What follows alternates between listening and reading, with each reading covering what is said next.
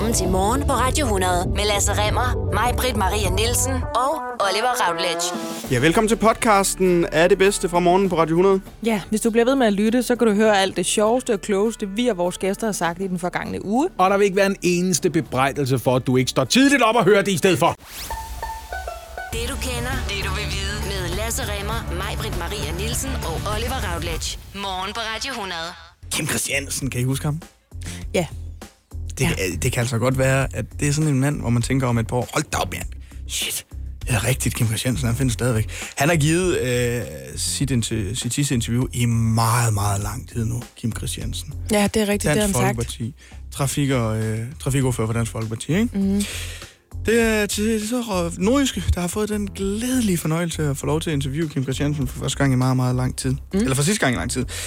Grunden til det, øh, for det første, så tager han på en ferie langt væk fra Danmark sammen med sin søde kone, Pia Adelsten.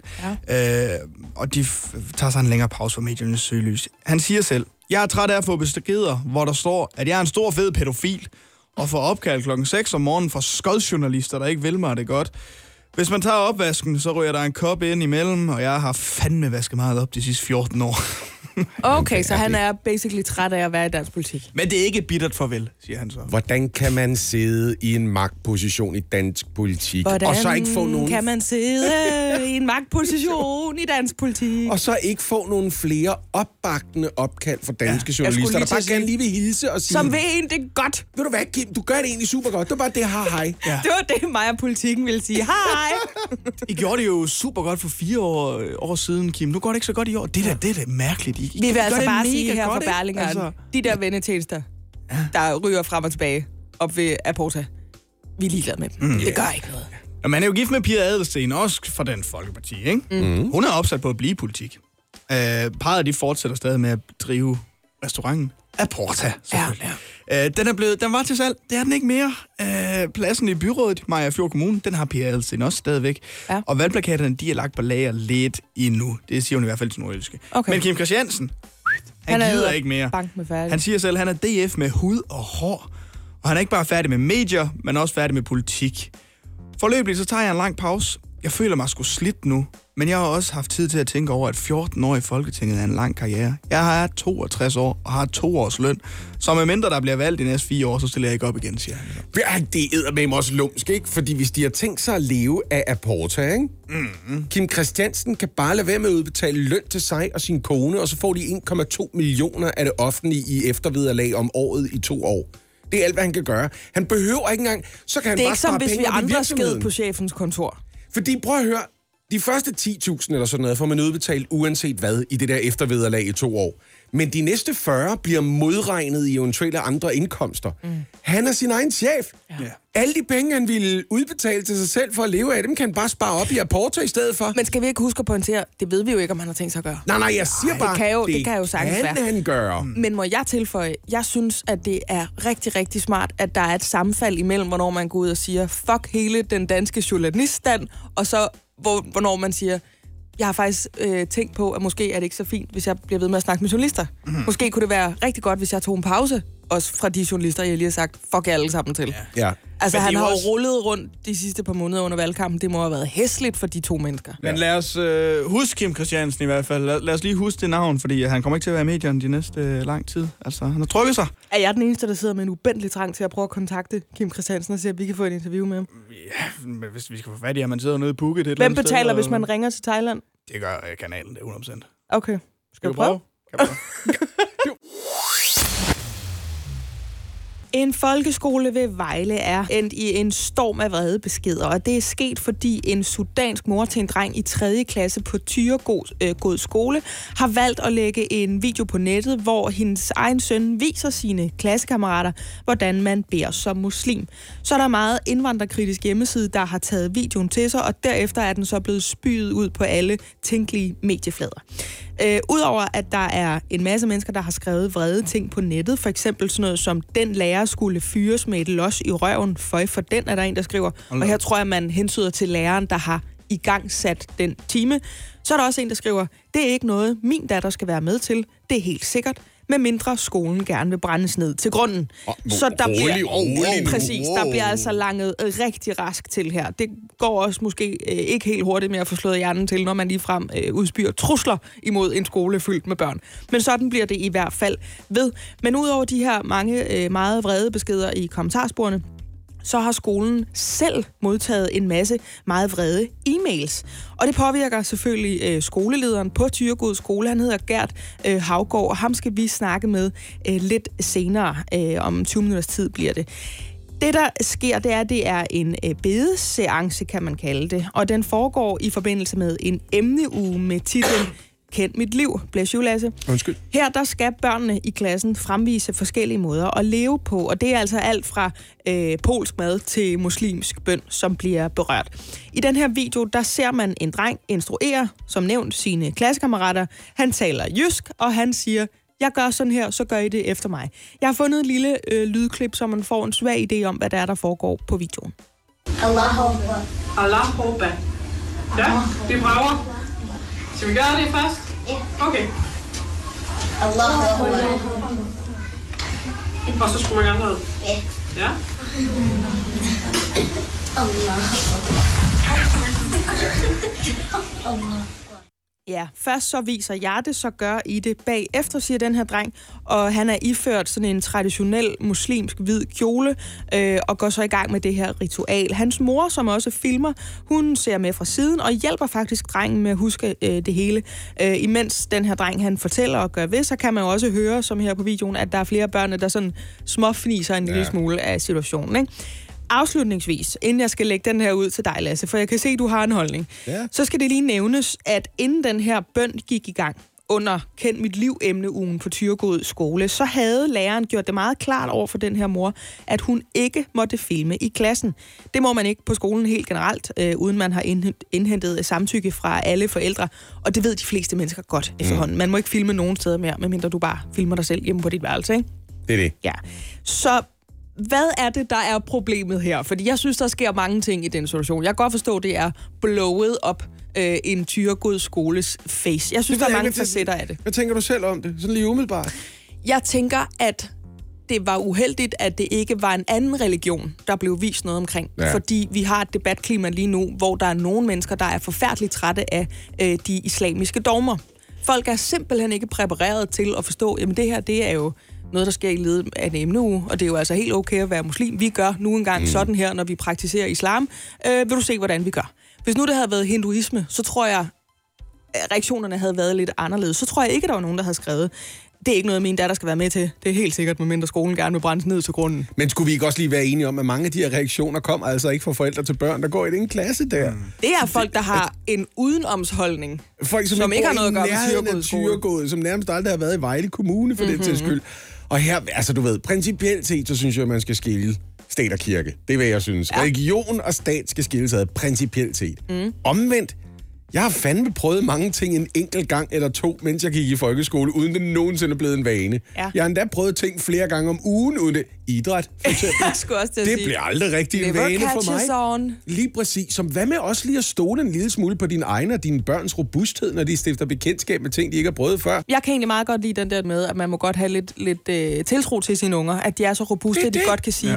Nå, men det her øh, øh, bening, eller det her øh, boller i kaj, det var dejligt, at du kunne lide det. Det var ikke lige noget for mig. Det er ikke noget, jeg tror, jeg kommer hjem og kommer til at afkræve mine forældre, at vi skal gøre syv, syv gange om dagen mod en bestemt retning. er Men det. fint at vide det, ikke? Prøv at det, det er islam, det er en bøn, det er ikke heroin. Det er ikke sådan, at du får en kanyle i armen, og nu kan du aldrig stoppe igen. Nej, nej. I øvrigt, hvis man vil være sur på noget, så er det altid smart at sætte sig ind i det, inden man bliver sur på det. Og så skal vi tale med skolelederen på Tyregod Skole, altså den folkeskole, der er endt i en form for øh, digital smånational shitstorm efter en video af en dreng fra 3. klasse, der instruerer sine klassekammerater under en emneuge i, hvordan man beder, når man er muslim. Godmorgen, Gert Hårgaard, skoleleder på Tyregod Skole. Godmorgen. Hvordan reagerer du, når du finder ud af, at dine elever de øh, florerer rundt på nettet på en video, som du ikke vidste fandtes?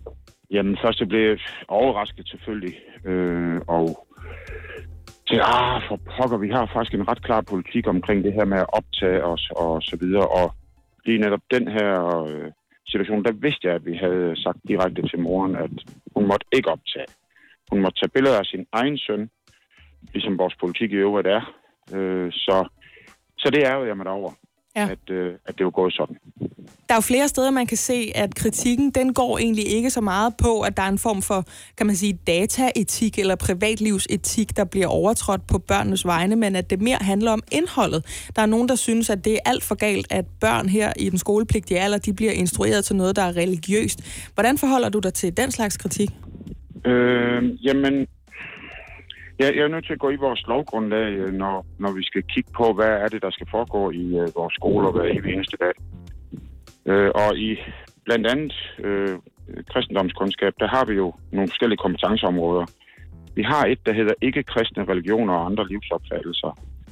Og der står blandt andet, øh, desuden kan der stilles skarpt på religionernes fremtrædelsesformer både i Danmark og resten af verden. Så det er egentlig den, jeg tænker, men det er da, det er da rigtig fint dækket ind øh, med, den her, øh, med den her situation. Har I dækket andre former for øh, religiøs praksis under jeres emneuge Kendt dit liv? Nej, det har vi ikke, fordi det var egentlig ikke det, der sådan var, var det, det handlede om. Det, det her var jo egentlig et tværfagligt forløb, kan man sige, hvor det mere handlede om børnene i klassen, end det handlede om øh, religion. Gert, vi har øh, for et øjeblik siden siddet og snakket en lille smule om det her, og, øhm, og vores oplevelse er, at der muligvis er rigtig mange reaktioner fra folk, der overhovedet ikke har børn på Tyregod skole. Hvordan har reaktionerne været i forældrekredsen umiddelbart på al den furore, som det her det har medført? Den har været lidt blandet. Øh, de, nogle af de første reaktioner var, var nogen, der egentlig lå meget godt i tråd med de første reaktioner, der var på nettet. Øh, altså øh, forarvelse og ja, vi kan måske også godt sige øh, voldsom vrede. Øh, og lige øh, efter et par dage, så, så var de reaktioner, jeg har modtaget, øh, mere sådan, hold da op, det må være hårdt for jer, øh, vi står bag jer. Øh, det her det er selvfølgelig fuldstændig ligesom det skal være, undtagen at der er blevet optaget. Så du beklager ikke, at det her det er børnene blevet instrueret til i skoletiden, uden deres forældre vidste det. Du beklager egentlig mere, at der findes en video af det. Ja, det er jo der, der er foregået noget forkert. Det er jo det, at videoen er blevet optaget og lagt ud. Hvis nu du kunne spole tiden tilbage øh, og kunne stå i det klasselokale der, hvad ville du så have gjort anderledes? Jeg vil have været utrolig opmærksom på, at der ikke var nogen, der optog. Gert Hovgaard, kommer det her til at påvirke, øh, hvordan I øh, rygter undervisningen på Tyregod skole fremover? Ja, vi vil øh, værne utrolig meget om, at, øh, at hvis ikke forældrene har givet udtrykkelig accept, så er der ikke nogen, der må optage, så det vil vi være rigtig, rigtig strikse med. Gert Hårgaard, skoleleder på Tyregod Skole. Tak for din kommentar her til morgen. Velbekomme. Nikolaj Tram, som er kok, han fik nok af dødssyg hverdag i København. Han solgte alt, hvad han ejede, og så tog han sin kone og to børn med øh, til en svensk skov. Vi snakkede om det her hamsterhjul før, Lasse. Og det kan jo godt være, hvis man sidder på Roskilde Motorvejen i kø lige nu, og tænker, jeg tror, det her øh, hamsterhjul og øh, hakket kalv og flæsk, det er ved at få bugt med mig. Jeg kan ikke forstå længere, hvad det er, jeg laver i den bank. Måske skulle jeg bare emigrere, ligesom Nikolaj Tram. Så bliver man stanset med det samme, fordi man aner ikke, hvordan man gebærder sig. Man ved ikke, hvad man skal kunne, om man overhovedet tør og vil konen med, og hvad med ungerne. Men det ved Nikolaj Tram, for han bor derude nu sammen med sin kone og to børn, og lige nu er han i vores telefonrør. Godmorgen, Nikolaj Tram. Godmorgen.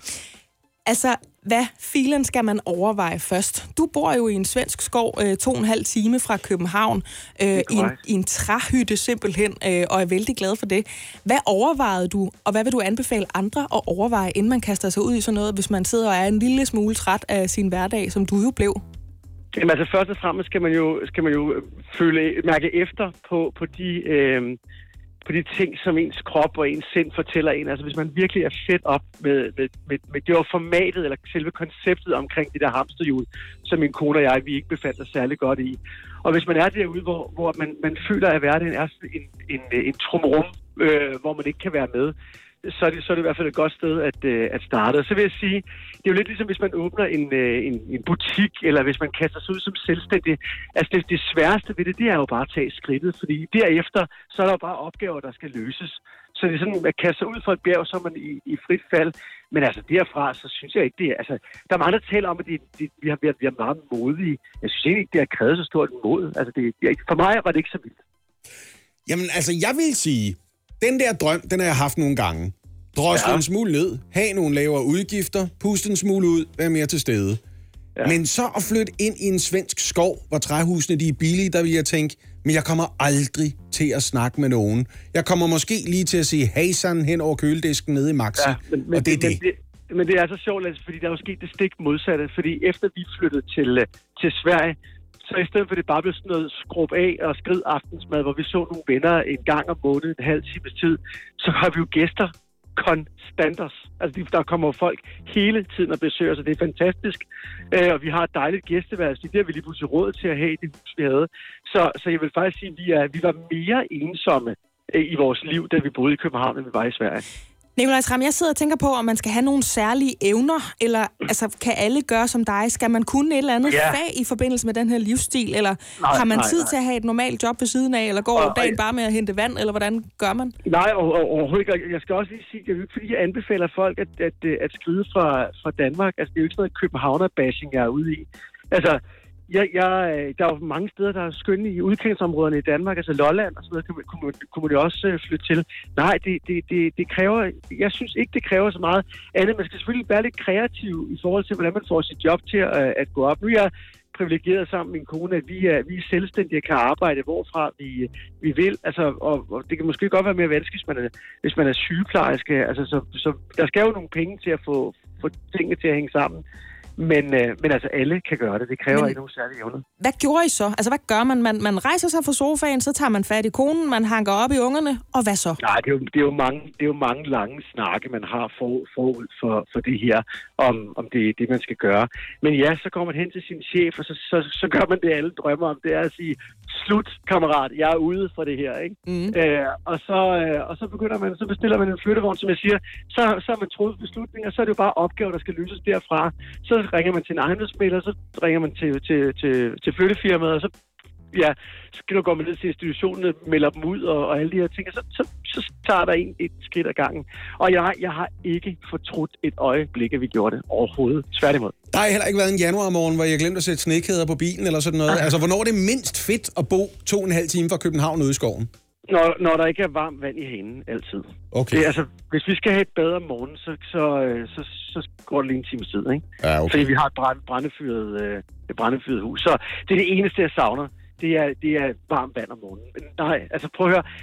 Vi, vi har, altså vores, vores spisestue, det, det er sådan en, der, der er vinduer ud til, ud til skoven. Og prøv at høre, den her skov, den er også smuk en død syg tirsdag i november, hvor det pisser ned. Altså, det, det, hvor der er slud og sharp og, og, og tø, hvor man har lyst til at skyde hovedet af sig selv inde, på, inde i København. Så, så, så der, der, er der er det også smukt. Det, det, man, kommer, man kommer i kontakt med, med sæsonerne, man kommer i kontakt med naturen. Det er dejligt. Altså, det, Og jeg med sig selv formentlig også. Ja, det, men altså, nu er det jo ikke sådan, at min kone og jeg, vi sidder omkring et lejrbål og holder hinanden i hånden og synger kumbaya konstant. Vel? Altså, vi, vi, vi har jo bare gjort det, at i stedet for, at vi, øhm, at vi bliver ved med at kæmpe for at prøve at få no, no, nogle flere kugler i kassen og, og, og få øh, forfremmelser og, og, og få, altså, få noget mere gang i hjulene. Det var det, det hele tiden føltes at det var, der skal mere til, der skal mere til. Så prøvede vi at vente en rundt og sige, okay, hvor lidt skal der til? Hvor Altså, lidt skal der til? Ja. I hvert fald, så skal du have tak, fordi du tog øh, fem minutters pause fra din svenske skovdrøm og talte med os. Nikolaj Det var- altså kok og forfatter til bogen om bålmad, der også udkommer i juli måned. Tak, fordi du ville tale med os i dag. Tusind tak. Nå, Oliver, nu skal vi til det. Hvis man er sådan lidt en frihedselskende type, så holder man godt fast i rettet eller i bordpladen, hvis man er mødt lidt tidligt. Og så hører man på mig, der fortæller historien om, at socialt udsatte borgere jo altså nogle gange bliver ringet op og anbefalet at deltage i for eksempel et rygestopkursus, selvom personen, der tager røret, måske slet ikke ryger. Det kunne være et overvægtigt barn i den skolepligtige alder, der af skolen anbefales at gå på vægttabskursus, selvom hverken barn eller forældre selv har henvendt sig for at få hjælp. Og det er altså bare nogle af eksemplerne på, at kommunerne overskrider privatlivets grænser og stigmatiserer borgerne, lyder det faktisk lige nu fra fire med medlemmer af det etiske råd. Netop det etiske råd har nemlig i en analyse beskæftiget sig med den type forebyggelse, der så tidligt som muligt kan identificere personer med risiko for at udvikle alvorlige livsstilssygdomme. Det sker ret konkret på baggrund af en forebyggelseskampagne mod rygning hos Københavns Kommune, hvor målgruppen var arbejdsløse, socialt udsatte og borgere med kronisk sygdom og høj forekomst af livsstilsrelaterede sygdomme. Her var kommunen i kontakt med op imod 13.000 borgere. Nogle af dem de fik et telefonopkald, mens andre de blev fundet igennem det, der hedder opsøgende arbejde. Analysen den påpeger, at borgerne kan opleve det som ret grænseoverskridende at blive kontaktet på baggrund af det, der hedder socioøkonomiske forhold. Opsporing og rekruttering af overvægtige til f.eks. vægttabskurser var øh, med målrettet kommunikation til forældre og børn foregår altså også som et helt obligatorisk element i den danske folkeskole. Og det her sidste, altså jeg, jeg er rimelig farvet over det hele, vil jeg sige, men det sidste, det vidste jeg simpelthen ikke var en ting. Nej, det gør jeg heller ikke. Um, Oliver, du, nu siger det i hvert fald, du er en ryger. ja, Jeg har holdt med at ryge. mm, Det går okay. det går godt. Men hvad tænker du om det her? Fordi jeg jo ikke, det er jo ikke sådan, at jeg lige pludselig ikke kan huske, hvordan det var at være ryger. Jeg er jo ikke på det hold, der synes, at man skal blande sig i andre øh, person, personers personlige anlægner. Nej. Men hvis jeg lige skal være, altså tage den modsatte kasket på, Ja, bare lige for at lege den leg. du laver gymnasieøvelsen, Ja, lige præcis. hvor man argumenterer for det modsatte af det, man mener. så er det jo øhm, i manges interesser at have... Øh, fordi det, det er skide dyrt, at de her folk, når man bliver indlagt og sådan noget, for have dem eksempel. gående. Jamen det er det jo. Altså det, det koster edderbadun med mange penge. Ja. Øh, hvis man kunne spare nogle af de penge, og det hele det handler om at spare politisk set, og hvad ved jeg. Ja. Øh, ved at man ligesom selv tog ansvar for sin egen øh, valg, Ja. øh, vil jeg sige. Ja. Og, og, og, og sagde, okay, jeg kan godt se, at jeg er måske ikke lige øh, den, der bidrager allermest til det her. Så hvis jeg kunne bidrage med, at jeg ikke skulle indlægges hvert halve år, fordi at jeg har rygerlunger, eller at jeg er, er overvægtig, ja. så kan jeg godt se øh, grunden til, at man gør det her fra nogle kommuners side. Jeg, jeg kan bare mærke, at jeg bliver sådan lidt... lidt øhm, jeg bliver lidt en sted i satan, faktisk. og, og jeg er ikke en af dem, der er blevet ringet op. Jeg tror, jeg falder uden for den gruppe. Men jeg er jo stadigvæk borger i det her land, og jeg kan sgu godt forstå, hvis der er nogen, der føler sig krænket. Og det er jo så også det, der er faktisk fire medlemmer af etisk råd, der har været ude at sige nu, der er et flertal i etisk råd for, at man må fortsætte den her måde at opspore borgere på med den her tidlige forebyggelse, når det gælder livsstilssygdomme i de her øh, laveste socioøkonomiske grupper. Men jeg synes ved Gud ikke, det er særlig hyggeligt. Nej, Det synes jeg det, faktisk ikke. det er heller Jeg ikke. synes, det er skråplan. Det er problematisk, når en forebyggelseskampagne mod rygning hos Københavns Kommune er mindet på arbejdsløse, socialt udsatte borgere med kronisk sygdom og høj forekomst af livsstilsrelaterede sygdomme. Kommunen har altså udset sig særlige grupper, som de selv henvender sig til og spørger, om ikke de har lyst til at leve anderledes. Sådan mener i hvert fald Mia Amalie Holstein. Hun er medlem af det etiske råd og øh, velfærdspolitisk chef i den borgerlige liberale tænketank Sebers, og så er hun i mit telefonrør lige nu. Godmorgen og velkommen til Mia Amalie Holstein. Godmorgen. Hvorfor er det egentlig et problem, at staten passer på sine borgere, hvis de kan se, at det er ved at gå galt for dem?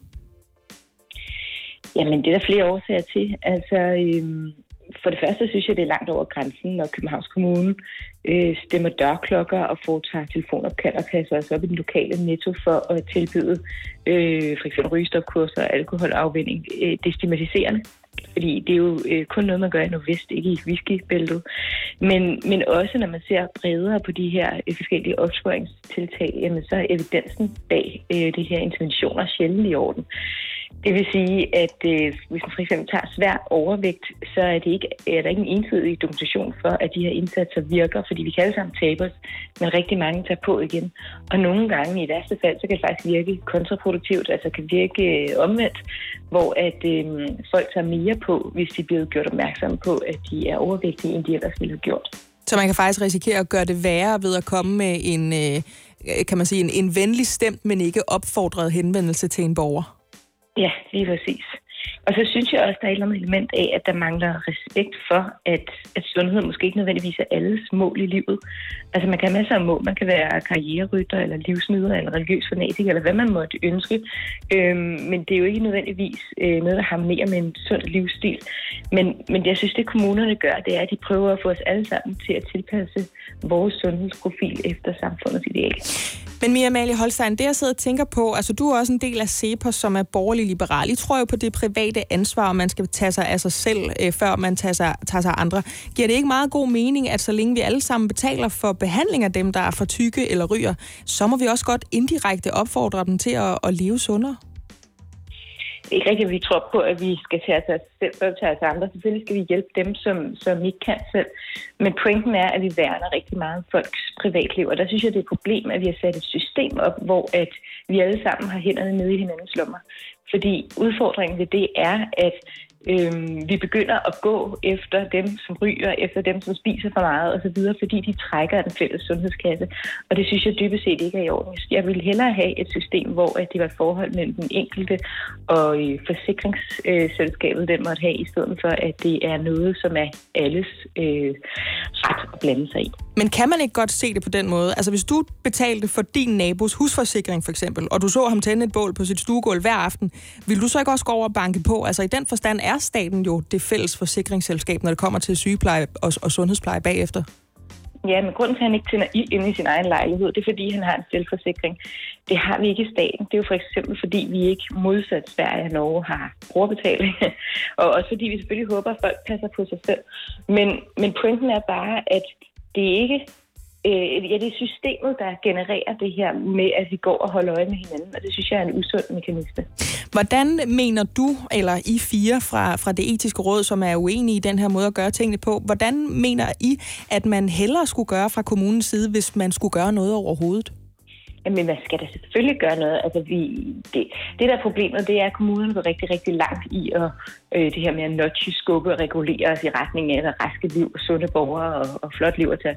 Men altså, selvfølgelig skal kommunen oplyse, skal prøve at, og, og må også gerne opfordre til, at vi ændrer vores livsstil, og vi lever sundt, fordi det er jo godt at være informeret om det.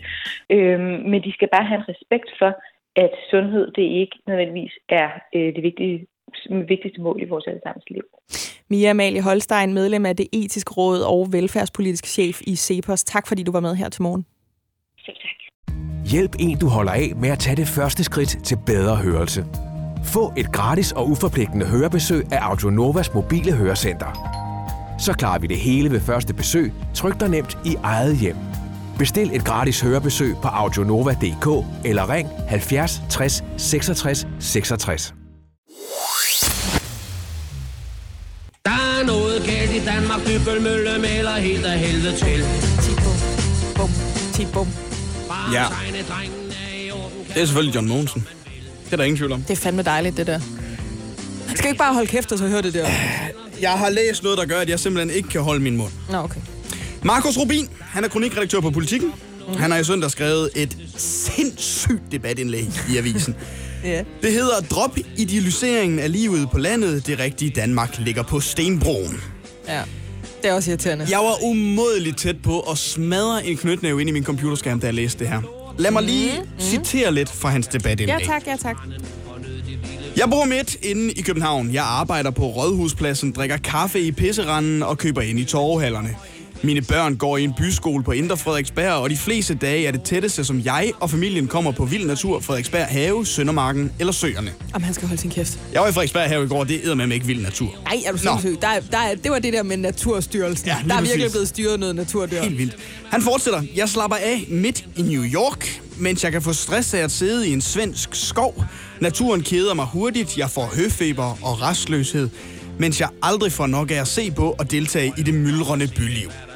Det var irriterende. Altså, jeg er allerede træt nu. Hvis ikke du kan være alene oppe i dit eget hoved, så er det jo ikke altså, landet, du har et problem med, så er det jo dit eget hoved, du har et problem med. Ja, ja, ja.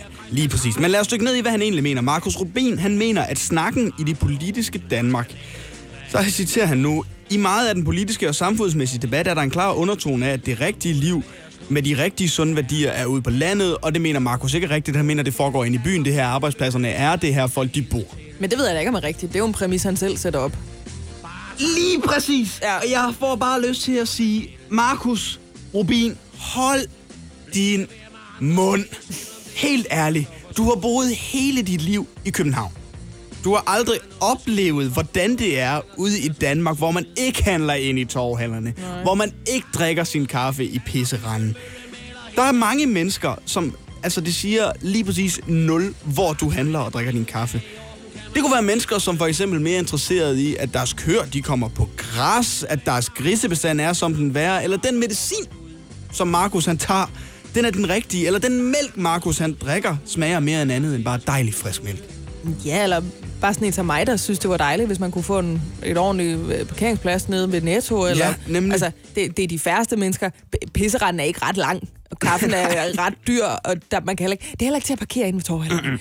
Alle os, der rent faktisk er ude i det der, der hedder det konkrete Danmark, Ja. hvilket Altså, det konkrete Danmark er der eksisterer i et altså, 10 til 1 forhold til alt andet. Det er Ja. der, de rigtige mennesker er. Ja. Det, du er ikke repræsentativ, Markus Rubin. Du må gerne have en holdning, men den præmis, du sætter op, den køber jeg ikke. Nej, lige præcis. Nej.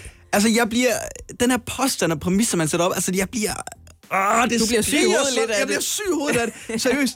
Der er mange folk i Danmark, der lever af, af deres landbrug. Ikke? Mm-hmm, altså, ja. vi lever af de store virksomheder, som måske ikke just er startet eller placeret i København. Tekstiltrækanten, for Ja. eksempel. Max Mærsk startede i Svendborg, Dansk Supermarked i Aarhus, Grundfos i Bjerringbro, Lego, skal behøve jeg, Lego i Billund. Ja. Altså, Ja. Det kan sagtens være, at der i København, det, det er der magtinstanserne, de er. Ikke? Mm, mm. Men må ikke de beslutninger, der bliver truffet i de store magtinstanser, bliver truffet på grund af folk, som ikke drikker deres kaffe i pisrand, som ikke handler ind i torvehallerne, som ikke drikker deres flat white der. Jo, det er jo, der er jo lige blevet vundet et valg på Ja, det, kan man sige. lige ikke? præcis. Ja. Altså, Markus Rubin, kom ud i Danmark. Helt ærligt. Ja. Oplev landet. Smag på det. Kan godt være, at du ikke kan lide, hvad du smager på, fordi det ikke minder dig om torvehallerne. Æd din selvfed med en lille bitte smule, og så drik den flat white med en bismag af dårlig samvittighed. Kom ud på landet til os og få noget filterkaffe. Kom ud i Danmark, og så skriv et nyt debatindlæg derefter. Vil du ikke nok? Bed om. Så kan det nok være, at det gik for sig nærmest ved midnatstid i nat inde på Slottsholmen. Jeg blev klar over det i nat, da jeg stod op, for der står vi op, fordi vi laver morgenradio, at vi har fået en ny statsminister, mm. og det var en etpartisregering, mm. og der var støttepartier, der hed Radikale Venstre, SF og Enhedslisten. Og Mette Frederiksen, Danmarks yngste statsminister. Det kan godt være, at hun ikke blev den første kvindelige. Hun Yngre, det er første gang, vi har haft en statsminister, der er yngre end mig. Og det betyder også, at jeg kommer ikke til at tage de ting, hun siger særlig alvorligt. Nej, jeg kommer bare til at læse overskriften og tænke, du er ikke min mor. I hvert fald, øh, så er man blevet enige om en politisk retning. Retfærdig retning hedder den. Det er et 18 siders langt dokument, der altså ikke er et regeringsgrundlag, mind you, men en politisk forståelse, en politisk aftale. Så Man, Mette Frederiksen kan skrive sit eget regeringsgrundlag. Det skal bare ikke fuck med de her ting, det skal som de bare ikke fuck om. med den her retning, kan man sige. Mm. Øh, og jeg synes, vi tager den første halvdel nu, så tager vi den sidste halvdel øh, om times tid cirka. Ikke? Jeg går direkte på. Planen om Lindholm skal skrottes, er selvom der mand. ikke er fundet en alternativ løsning til, hvad man skal gøre med kriminelle udviste udlændinge, så vil der ikke blive et udrejsecenter på Lindholm. Ej, de er glade i Kalvehave, hva'? Det tror jeg nok. det tror jeg bare, det tror jeg nok, for de synes, det var en dårlig idé lige ved siden af Så deres var lille den altså samfund ikke der. helt forgæves, den svømmetur der, var. Morten Østergaard, han kalder det her at skrinlægge alle tiders dårligste løsning. Og det har jo også været en kæphest for Morten Østergaard. Jeg vil så lige skynde mig at tilføje, for hver gang vi læser noget op her, så kan man bare selv tænke, men der er ikke fundet en alternativ løsning. Nej, det er det. Men der er ikke fundet finansiering endnu. Nej. Vi ved ikke, hvor meget. Vi ved ikke, hvornår. Det er meget det, der er i den her Vi aftale. ved i hvert fald ikke, hvordan. Men det finder vi ud af. Men det finder vi ud af. Ja. Der kommer en rigtig god løsning i morgen. Ja. Det, det er meget sådan, ikke? Nummer to. Aftale om minimumsnummeringer i daginstitutioner. Nå ja, det vil SF gerne have. Finansieringen er endnu ikke forhandlet på plads, Nej. men planen er, at minimumsnummeringerne i daginstitutionerne skal være fuldt indfaset i 2025. Så kan man altid sige, at det bliver det næste regeringsproblem, ikke? Ja. Det kan man kind of sige, ikke? Ja. Men lad os nu se. Øh, nummeringerne har jo været en del af SF's meget centrale valgløfter, faktisk øh, altså et ultimativt krav. Og i den ombæring vil vi så sige, øh, og holde fast, fordi når vi er færdige med den her liste, så kommer der altså en ordentlig overraskelse, når det kommer til de ultimative krav. Nummer tre.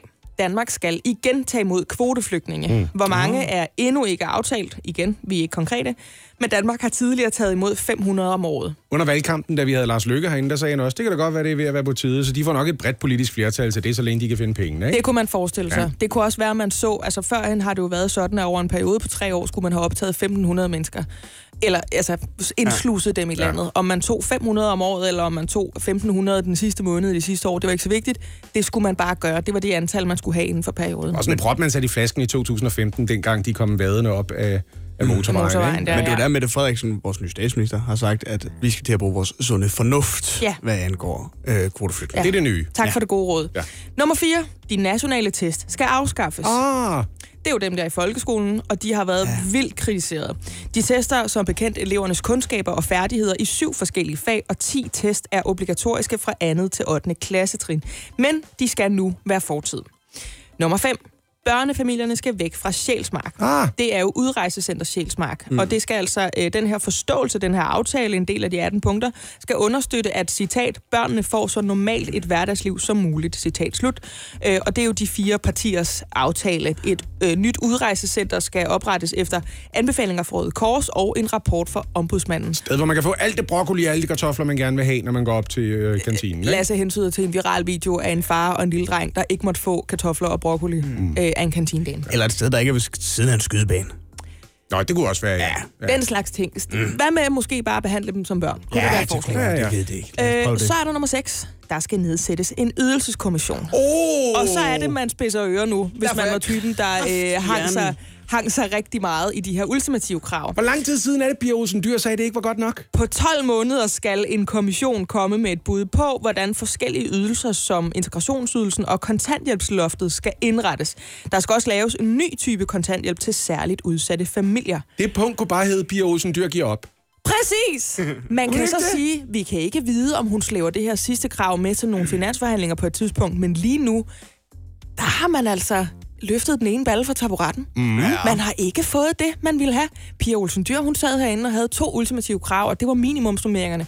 Dem har de kinder fået. De skal indfases by 2025, og så var det væk med kontanthjælpsloftet. Og så havde hun en tredje fået. ting. Ikke? Hun havde sådan noget, jeg ønsker mig ikke noget særligt, men hvis jeg skulle ønske mig en ting, så er det mit største, mit, det er mit største ønske i hele verden, det er at blive finansminister. Det er Ja. ikke et ultimativt krav, men det kunne jeg godt tænke mig. Ja, Ja, ja. Det ja. er hun heller ikke. Nej.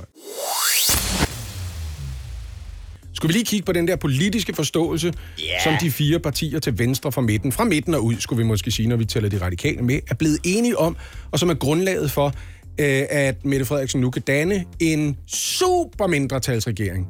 Altså sådan en lille S-regering, ligesom Lars Løkke gjorde ja. i 2015 med sin V-regering. Ja. Vi mangler stadigvæk nogle punkter, ikke? Mm-hmm. Og så går vi videre på listen, ja. fordi grænsekontrollen, den bliver.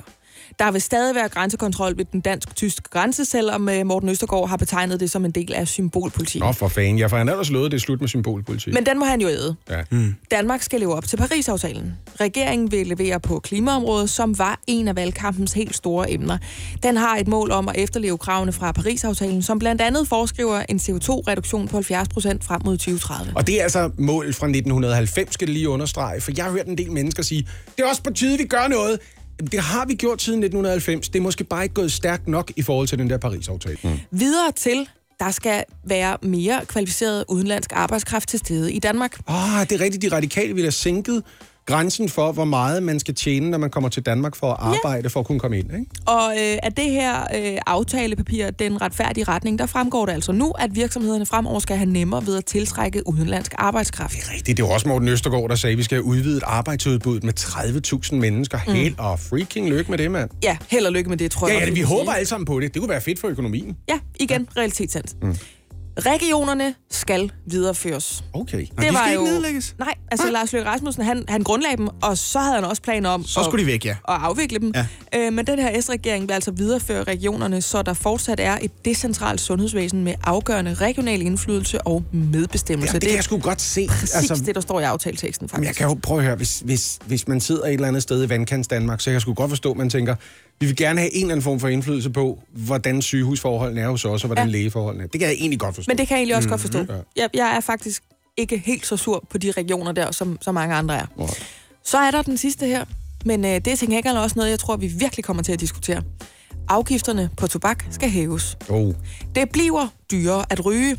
Hvad skal det det koste? klart allerede før valget, hvor nærmest alle partier lige pludselig ønskede at hæve priserne på tobak, fordi de fornemmede, at det var sådan en, en banger.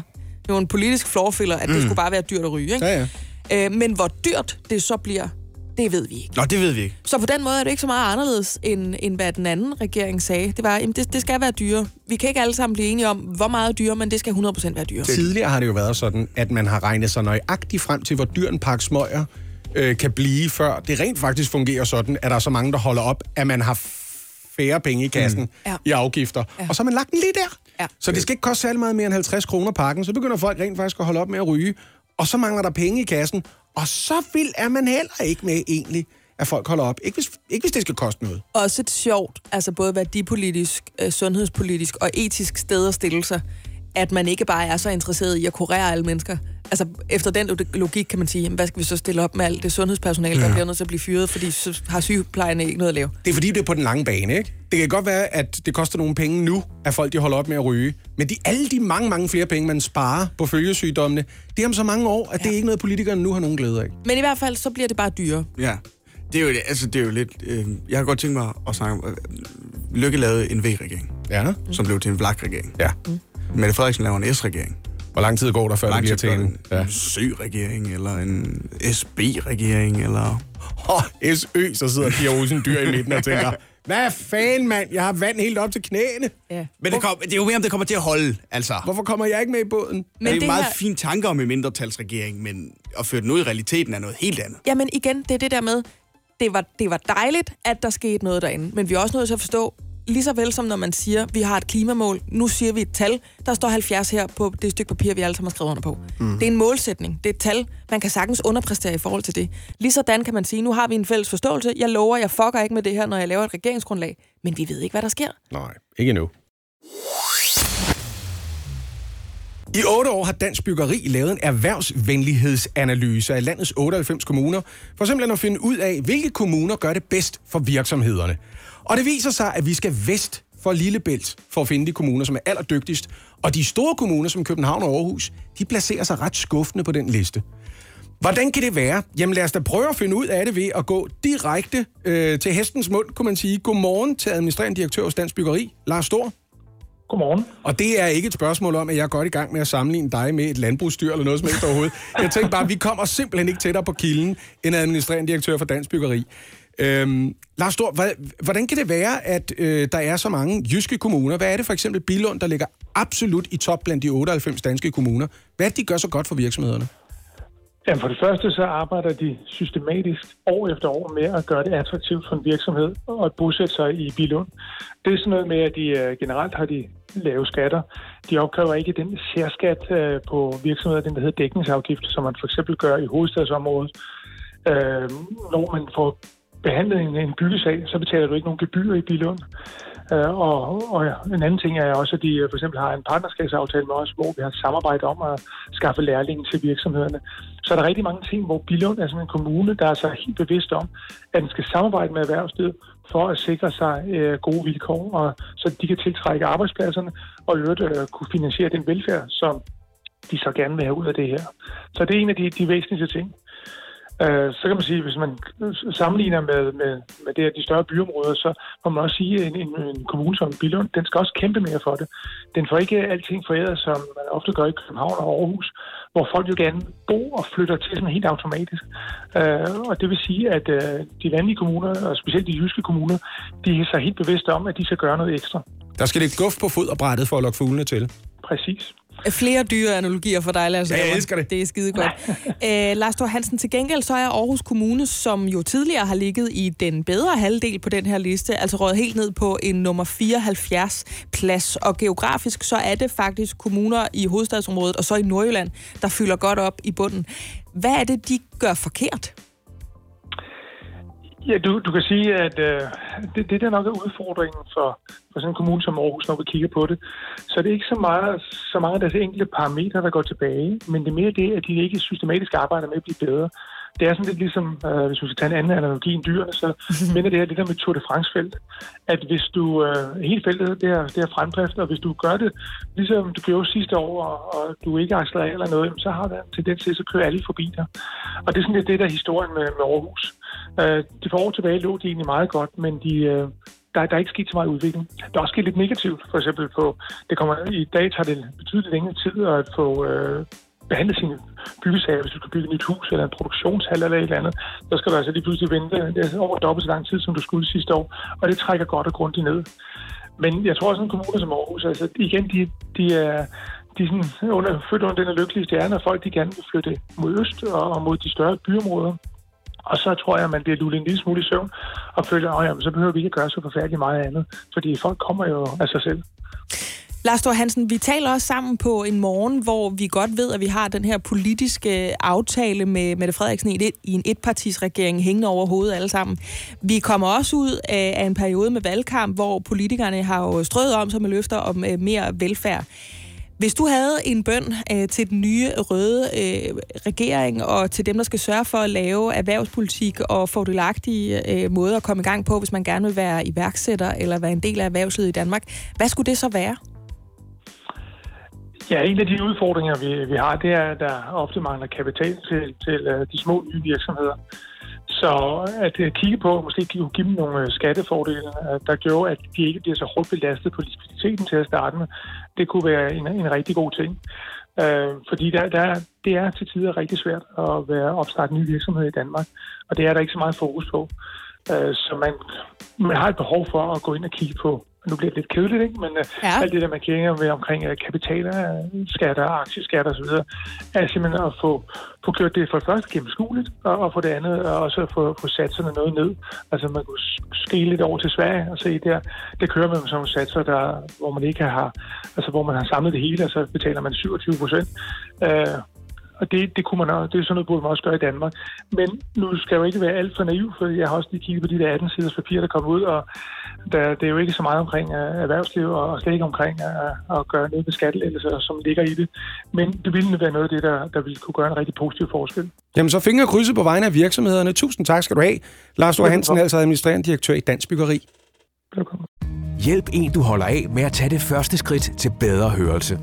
Få et gratis og uforpligtende hørebesøg af Audionovas mobile hørecenter. Så klarer vi det hele ved første besøg, tryk dig nemt i eget hjem. Bestil et gratis hørebesøg på audionova.dk eller ring 70 60 66 66.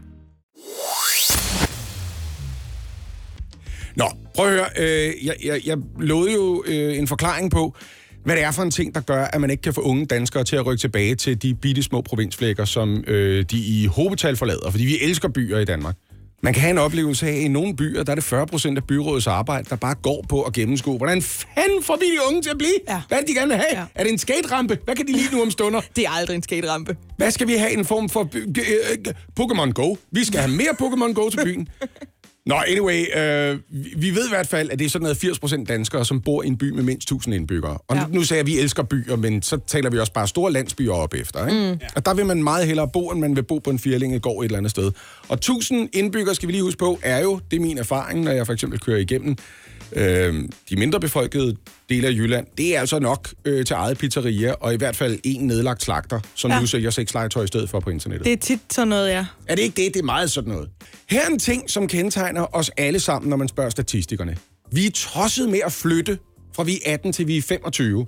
Og når man fylder 25, så går der længere og længere tid, imellem man har lyst til at rykke tilpælene op. Fordi ja. det er der, man begynder at få nogle børn og sætte sig. Og Penge. gerne... Ja, det er også en del af Det er det. virkelig rigtigt. en ting. Det er en, helt, det er en ret stor del af det. Så efter 25, så er det svært at få flyttet rundt på folk. Ja. Får du ikke flyttet os, før vi fylder 25, så begynder vi at slå rødder et eller andet sted. Ikke? Ja, ja. Øhm, og det er skidt for de helt små byer, fordi de unge, de flytter, og så kommer de ikke tilbage igen, efter de er fyldt 25. Se, Kraks Fond Byforskning har kigget på, hvorfor de unge flytter. Ikke? Mm. Og når man så renser tallene for alt muligt andet støj, alt muligt, der handler om socioøkonomiske forskelle og hvad det ellers handler om, ja. viser det sig, at 3 ud af 10 unge flytter fra den lille bitte by, de bor i, af en eneste årsag. De skal på gymnasiet. Nå, ja. Ja, og de flytter ikke nødvendigvis fra gymnasiet, men når de tager en studentereksamen, hvad skal den så bruges til? Ja, ja, så skal man jo videre ud i verden med den. Men de flytter også, fordi de bor sådan et sted, hvor det kunne lige gå med en form for by-skolebus, øh, imens man var i den folkeskolepligtige alder. Mm. Mm. Men når man så skal videre på en ungdomsuddannelse, så skal man til nabobyen, som måske har 5.000 indbyggere. Og Mm. der går bussen ikke hen, så man er nødt til at få sig et klubværelse øh, op ved stationsbygningen. Og, det, og så starter den der, tror jeg. Men når du har taget en studentereksamen, helt pointen er at læse videre. Og der kan du sige, hvad du vil om Sønder Flovstrup. De har ikke et universitet. Nej. Der er ikke skide meget at gøre. Var det en rigtig by, du sagde det? Nej, det er bare noget, jeg digter. Ja, Ja. Jeg aner sgu ikke, om der er en Sønder Flovstrup et eller andet Voldum sted. nedre. Og, og hvis der er en Sønder Flovstrup i stedet, så kan jeg lige sige, det her, det er rent opdigtet. Ja. Øhm, og, og øh, enhver lighed med nulevende Er byer tilfældigt. er fuldstændig vilkårlig. Ja. Ja. Nå, så det, de har fundet ud af, det er, at man kommer aldrig nogensinde tilbage til sin hjemby, til Gammel Næse Kirkeby, eller hvor man kommer fra, øh, øh, oprindeligt. Hvis man først har taget en studentereksamen, så her er løsningen, her vil de foreslår, og det er det, jeg lovede hele For at tiden. få ikke? folk til at flytte tilbage til Røvskægstrup. Præcis. Øh, du skal have en håndværkeruddannelse. Det er det. Og så kan man jo også sige, det er jo ikke bare et spørgsmål om, at du har en anledning til at rykke tilbage igen, fordi der er brug for håndværk overalt. Det er jo fuldstændig det. Du kan bygge din egen udstue, og hvis du ikke kan bygge din egen udstue, så kan du bygge din nabos udstue, og så kommer han til Så kommer han og lægger varme i dit entrégulv Og inden du får set om, så har du bygget et helt hus uden kvitteringer. Det er sgu også noget at gøre. Jamen, det er da heller ikke en dårlig ting at gøre. Har jeg hørt? Ja, det vil jeg høre i hvert fald. For der kan du sige, hvad du vil om akademikere, men der er ikke skide meget. Det er vi enige om. Der er ikke skide mange sorte penge i at være akademiker, vel? Prøv at høre, jeg har tænkt over den der nye regering, og det der måske indtil videre er mestertrækket for Mette Frederiksens vedkommende. Ikke? Ja. Det er, hun har ikke lavet noget regeringsgrundlag. Nej. Det er skide smart. Et aftalepapir.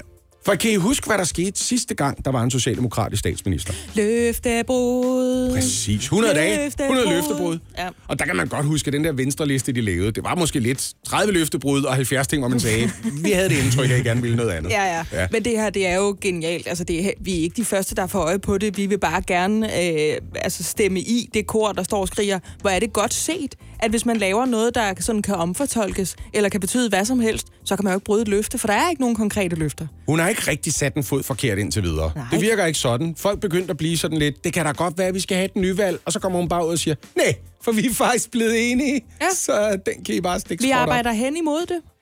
Til gengæld så skal hun til dronningen og præsentere sin nye regering i dag. Ikke? Mhm. Mm-hmm. Og man må jo selv bestemme, hvor mange minister man gerne vil have, men der er nogen, der er lidt givende. Ikke? Vi skal Ja. have en udenrigsminister, en finansminister, og vi skal have... øh, Lige nu, der tror jeg ikke, at vi kommer til at se...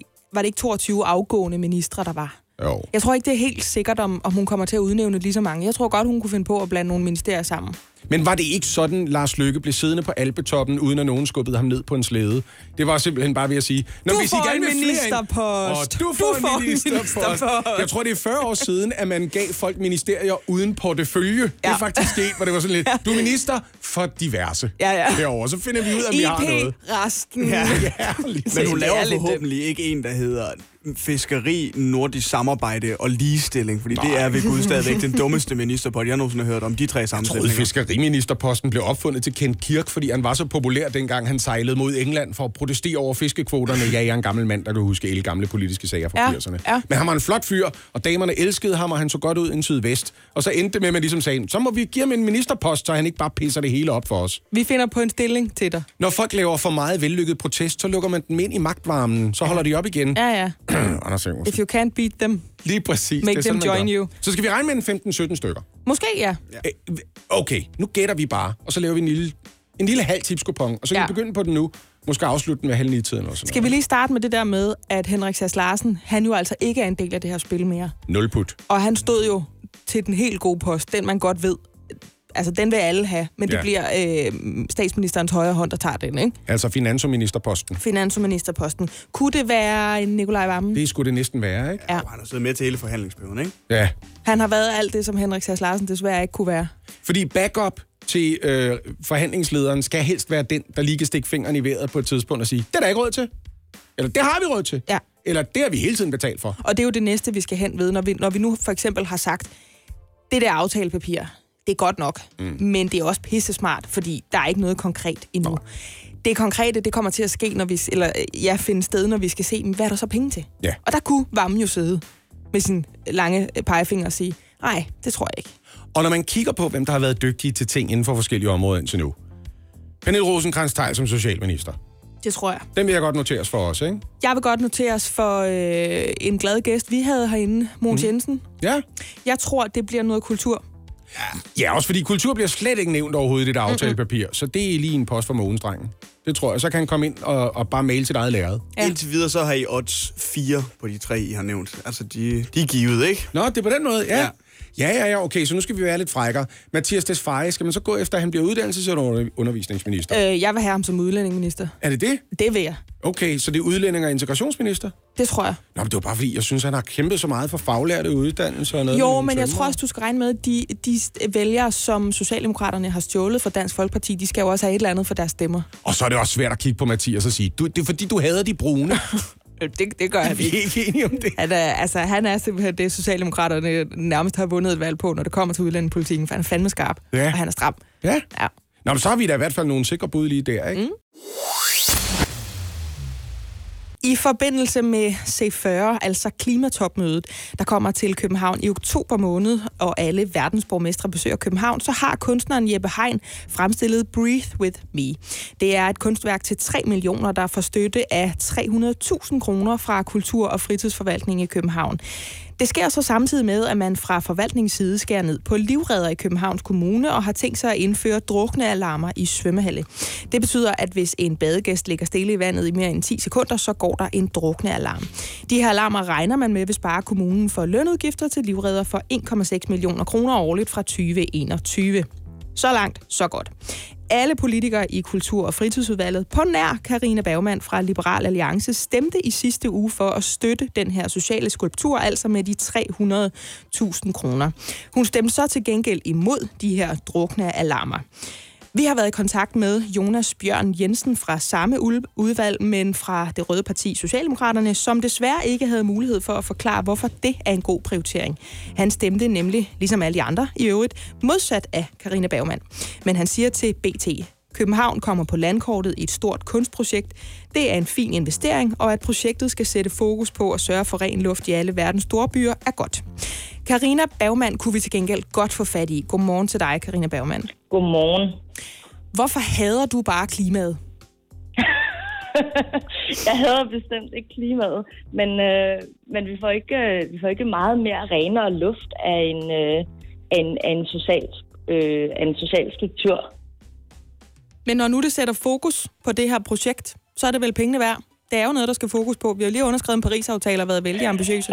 Hvorfor vil du ikke være med til det? Vi skal selvfølgelig have, have fokus på, øh, på klima, øh, men, men det mener jeg ikke, at vi skal gøre gennem kunst. Det skal vi gøre gennem, øh, gennem politik, og der skal vi øh, gå i dialog med, med politikerne om at lave den, øh, den bedste politik på, øh, på området, og ikke øh, falde i svime over øh, FN's verdensmål, som om vi ikke kan finde ud af at lave, lave øh, lokal politik herhjemme. Altså, prøv lige at høre, Karina Bergmann. Jeg er gammel nok til at have været over i børneteltet på Land og Folk Festivalen for de glade kommunister tilbage i 70'erne i Fældeparken. Jeg fortæller en ting. Øh, kunst kan sagtens være politisk. Jamen, det kan den. Det kan den. Øh, ingen tvivl om, øh, om det. Men nu sidder jeg jo som politiker og skal forvalte øh, skatteborgernes penge. Øh, borgere, der hver dag øh, går på arbejde øh, for at øh, tjene til, til dagen og vejen for, for øh, sig og sine. Øh, og så skal jeg se på, hvad er det, vi får for, øh, for de her penge. Og der synes jeg simpelthen ikke, øh, at de er godt givet ud. Vi kunne desværre ikke få en kommentar fra Jonas Bjørn Jensen fra øh, Kultur- og Fritidsudvalget her til morgen, men du var altså den eneste i samme udvalg, der stemte imod øh, støtten til det her kunstværk. Hvorfor tror du, at du er den eneste, øh, der ikke kan se den gode idé med det her øh, støtte til kunstværk? Det skal jeg ikke kunne sige. Øh, men der, der er sådan lidt over det her øh, projekt og de her verdensmål. Altså dem, der ikke hopper, de mener, at børn de skal dø af, af bilos i byerne, så må man jo hellere øh, stemme for.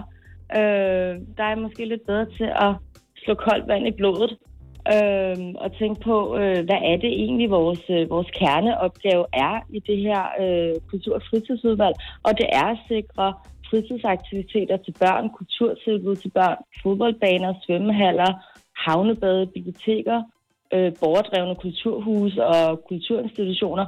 Noget så øh, ikke prestigefyldt som, øh, som borgerservice. Øh, det vil jeg langt hellere bruge, øh, bruge pengene på, end det, jeg kalder øh, luftig øh. Altså, hvis vi så skal knytte tingene sammen, så kan man vel også sige, at hvis druknealarmer fungerer næsten lige så godt som livredder i svømmehaller, så er der jo råd til en masse andre kulturaktiviteter, som for eksempel nogle flere børnebøger og noget børneteater i kulturhusene. Jamen, det, øh, det er rigtigt nok, men øh, jeg mener også, at vi skal, at vi skal spare i kommunen. Københavns Kommune har et årligt budget på mere end, øh, end 60 milliarder kroner. Der er mere end øh, 40.000 ansatte i kommunen. Kommunen er den næststørste arbejdsgiver efter staten.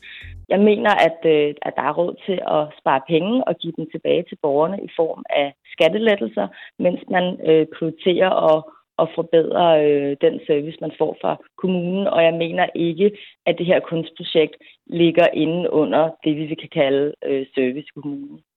Karina Bergmann, medlem af Kultur- og Fritidsudvalget, og altså medlem af Københavns Borgerrepræsentation, også for Liberal Alliance. Tak for din kommentar her til morgen. Jo, tak.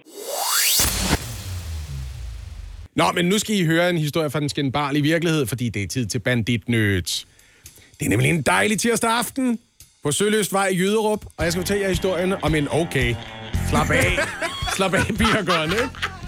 Ah, det var voldsomt, synes jeg, det her. da, da, da, da. Prøv at høre, det skal I ikke gøre ved mig. En mand midt i 30'erne, vi kan kalde ham Troels, fordi vi ikke har lyst til at indrømme, at han nok hedder Danny. Han kommer kørende stille og roligt i sin Citroën C3. Så er det en Danny. Det er en banditbil, det er vi altså enige om. ikke? Det kan det også godt være. Jeg vil godt lige sige, hvis det ikke er det, så er det en Mazda 323 øh, med skørter og hækspøl. Det kunne det sagtens være, Ja. og jeg vil sige det her. Jeg ved tilfældigvis, det er en Citroën C3, for jeg har været inde og tjekke billedmaterialet. Nå, Og det overrasker mig, at sådan en bandit som Troels Danny, han kører rundt i noget, som Jørgen Let ville anbefale. En konebil. Ja, mm. på mange måder. Hvad Ikke? fanden har han gjort? Det ved jeg heller ikke. Han har ikke haft nogen planer, tror jeg, udover ikke at blive stoppet af politiet, og der er han rigtig mægtig ærgerlig. For det er lige præcis det, der sker, ikke? Politiet, de har planer om at stoppe Troels Danny. Og der er en politi, øh, patruljevogn, som simpelthen prøver at få ham til at trække ind til siden. Mm. Og jeg ved ikke, om det kører med slikkepind eller sirene, mm. eller bare med et hissigt blik. Jeg ved ikke, hvad man gør på Jyderup-kanten. Nej.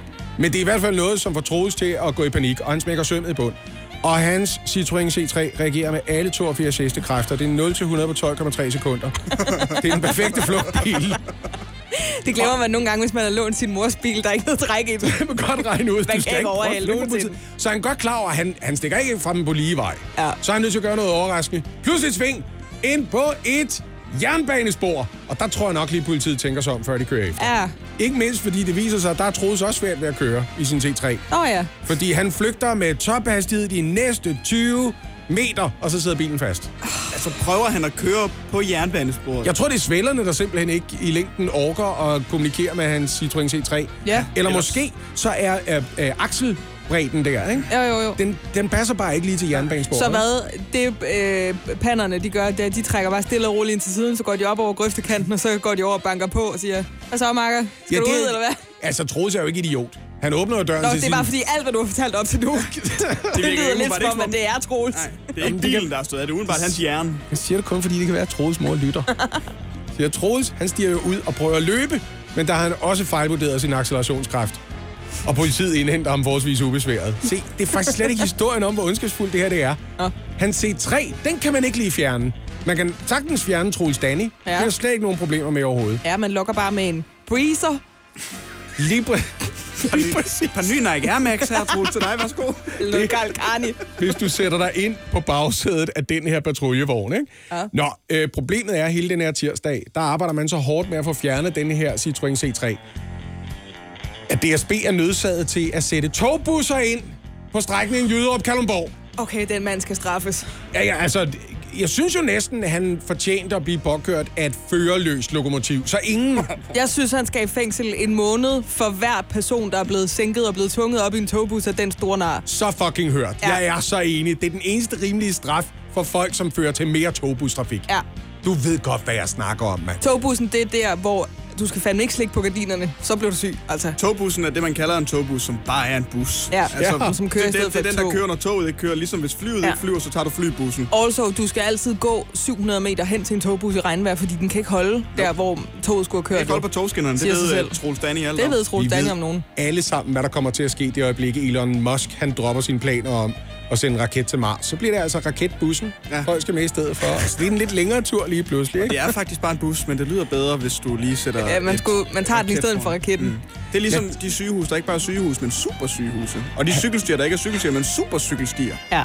Indtil de løber ind i en telefonboks og klæder om til ganske almindelige cykelstier, ikke? Det er det, vi er enige om. Jamen, det var bare lige, det var det, der gjorde mig vred ved Troels. Han virker som sådan en lovable goof. Og så hørte jeg ordet togbus. ja. Og nu er jeg rigtig vred på ham, ikke også? Altså, hvis hans mor lytter med, der er altså en, der ikke har spist sine havregryn, når han skulle. Ja, Det er for dumt, det der. og jeg siger ikke, at Troels ikke er blevet for stor til det, men muligvis, hvis du spreder benene godt, prøv at mose ham op igen, hvor han kom fra, fordi han klarer sig ikke så godt herude. Og undskyld for det billede. Ja, det er jeg også rigtig ked af.